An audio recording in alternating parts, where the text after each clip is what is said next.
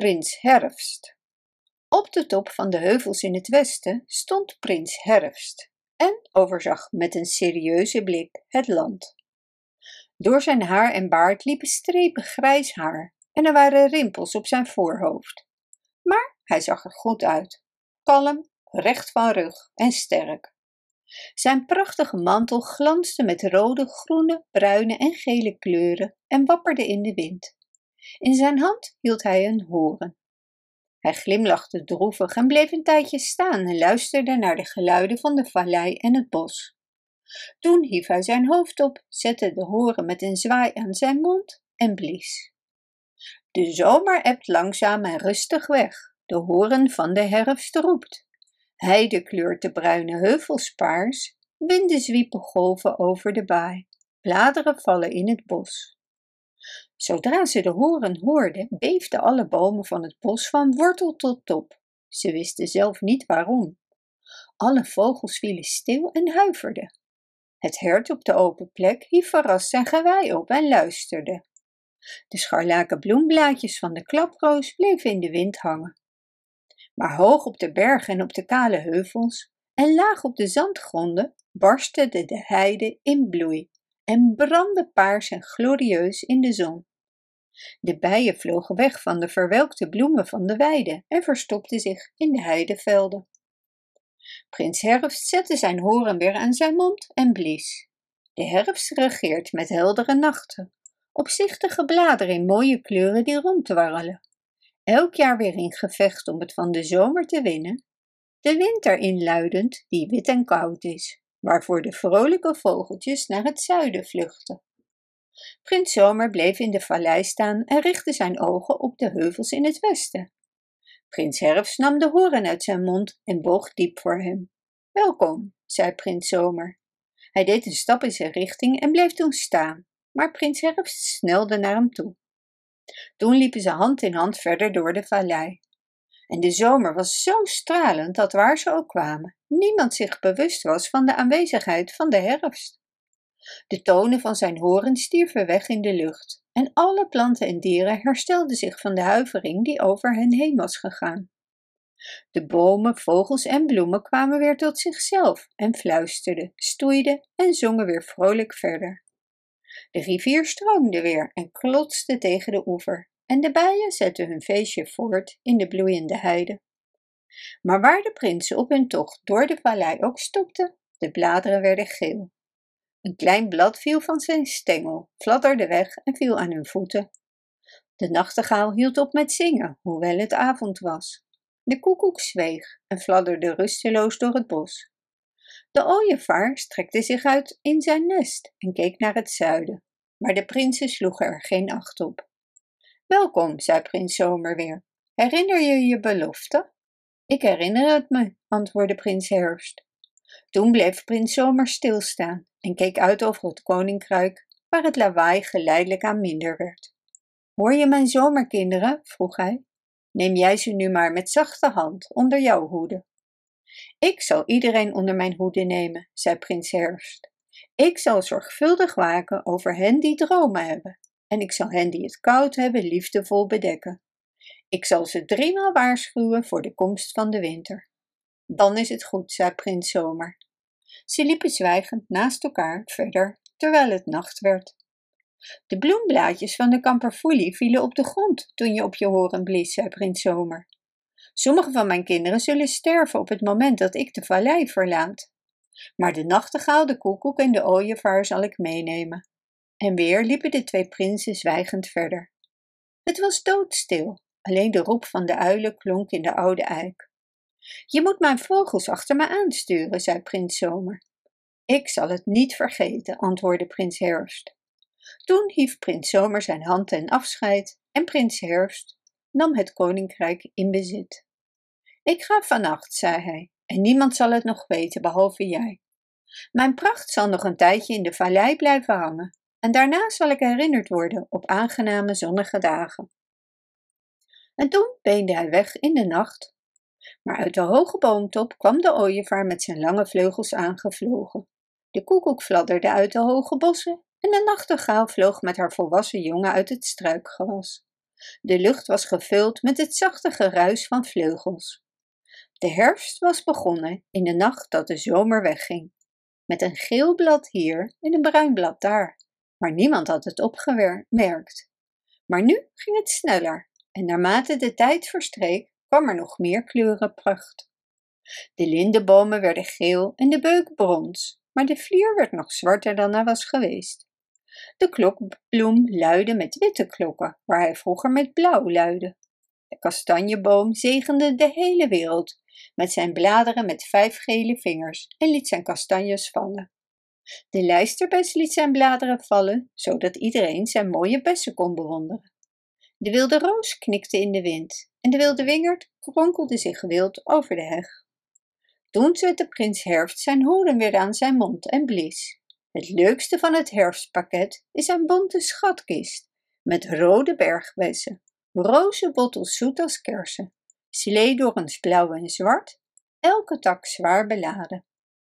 Een merel en een lijster kwebbelden vrolijk in het kreupelhout dat glom van de bessen, en duizend mussen hielden hen gezelschap. De wind raasde van de een naar de ander en blies en hijgde om het plezier nog groter te maken. En hoog aan de hemel keek de zon zachtjes op het herfstfeest neer. Prins Herfst knikte tevreden en liet zijn mantel met bonte kleuren weer wapperen in de wind. Ik ben dan misschien wel de minst belangrijke van de vier seizoenen en ik heb weinig te vertellen, zei hij. En ik dien twee jaloerse meesters, de zomer en de winter, en moet ze allebei een plezier doen. Maar mijn macht reikt wel zo ver dat ik iedereen een paar bijzondere, gelukkige en mooie dagen kan bezorgen. Toen zette hij zijn horen aan zijn mond en blies. De feestvierders van de vallei zijn nu gekleed in herfstkostuums. Ze zijn nu moe en hebben groene vervaagde lokken. De zomer is verdwenen, de winter is nabij. Hei, hei, de herfst zegeviert. Maar een nacht later was er een enorme verstoring op de bergtoppen, waar de eeuwige sneeuw zowel in de lente als in de zomer had gelegen. Het klonk alsof er een storm naderde. De bomen werden bang, de kraaien zwegen, de wind hield zijn adem in en prins Herfst boog voorover en luisterde. Is dat het ergste wat je kunt doen? riep opeens een heese stem door de duisternis. Prins Herfst hief zijn hoofd op en keek recht in de grote koude ogen van prins Winter. Ben je de afspraak vergeten? vroeg prins Winter. Nee, antwoordde prins Herfst, ik ben het niet vergeten. Pas dan goed op, riep prins Winter. De hele nacht rommelde het in de bergen en het werd zo bitter koud dat de spreeuw serieus aan inpakken en wegwezen dacht. En zelfs de rode klimplant werd bleek. De verre toppen glinsterden onder de nieuwe sneeuw. En prins Herfst lachte niet meer. Hij keek ernstig uit over het land en de rimpels in zijn voorhoofd werden dieper. Dan moet het maar zo zijn, zei hij uiteindelijk. En weer blies hij op zijn horen en liet een prachtig lied horen. Voor de tweede keer, voor de tweede keer, luister goed naar deze oproep en gehoorzaam. Oogst het zaad van de aarde, maak de zakken helemaal vol. Padden verstop je, vogels houd je vleugels klaar om te vliegen. Toen was het hele land in rep en roer en iedereen ging aan de slag, want nu begrepen ze het allemaal. Snel, snel, zei prins Herfst. De klaproos, de klokbloem en de roze roos stonden dun en droog als stokken met hun koppen vol zaad. De paardenbloem had elk van zijn zaden een kleine parachute gegeven. Kom, lieve wind, en schud ons, zei de klaproos. Vlieg weg met mijn zadenwind, zei de paardenbloem. En de wind haastte zich om te doen wat ze vroegen. Maar de beuk liet sluw zijn ruige vrucht op de vacht van de haas vallen. En de vos kreeg er ook een op zijn rode jas. Snel nu, zei prins Herfst, er is geen tijd te verliezen.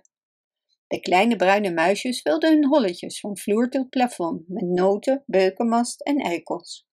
De egel had zichzelf al zo dik gegeten dat hij zijn stekels nauwelijks kon laten zakken.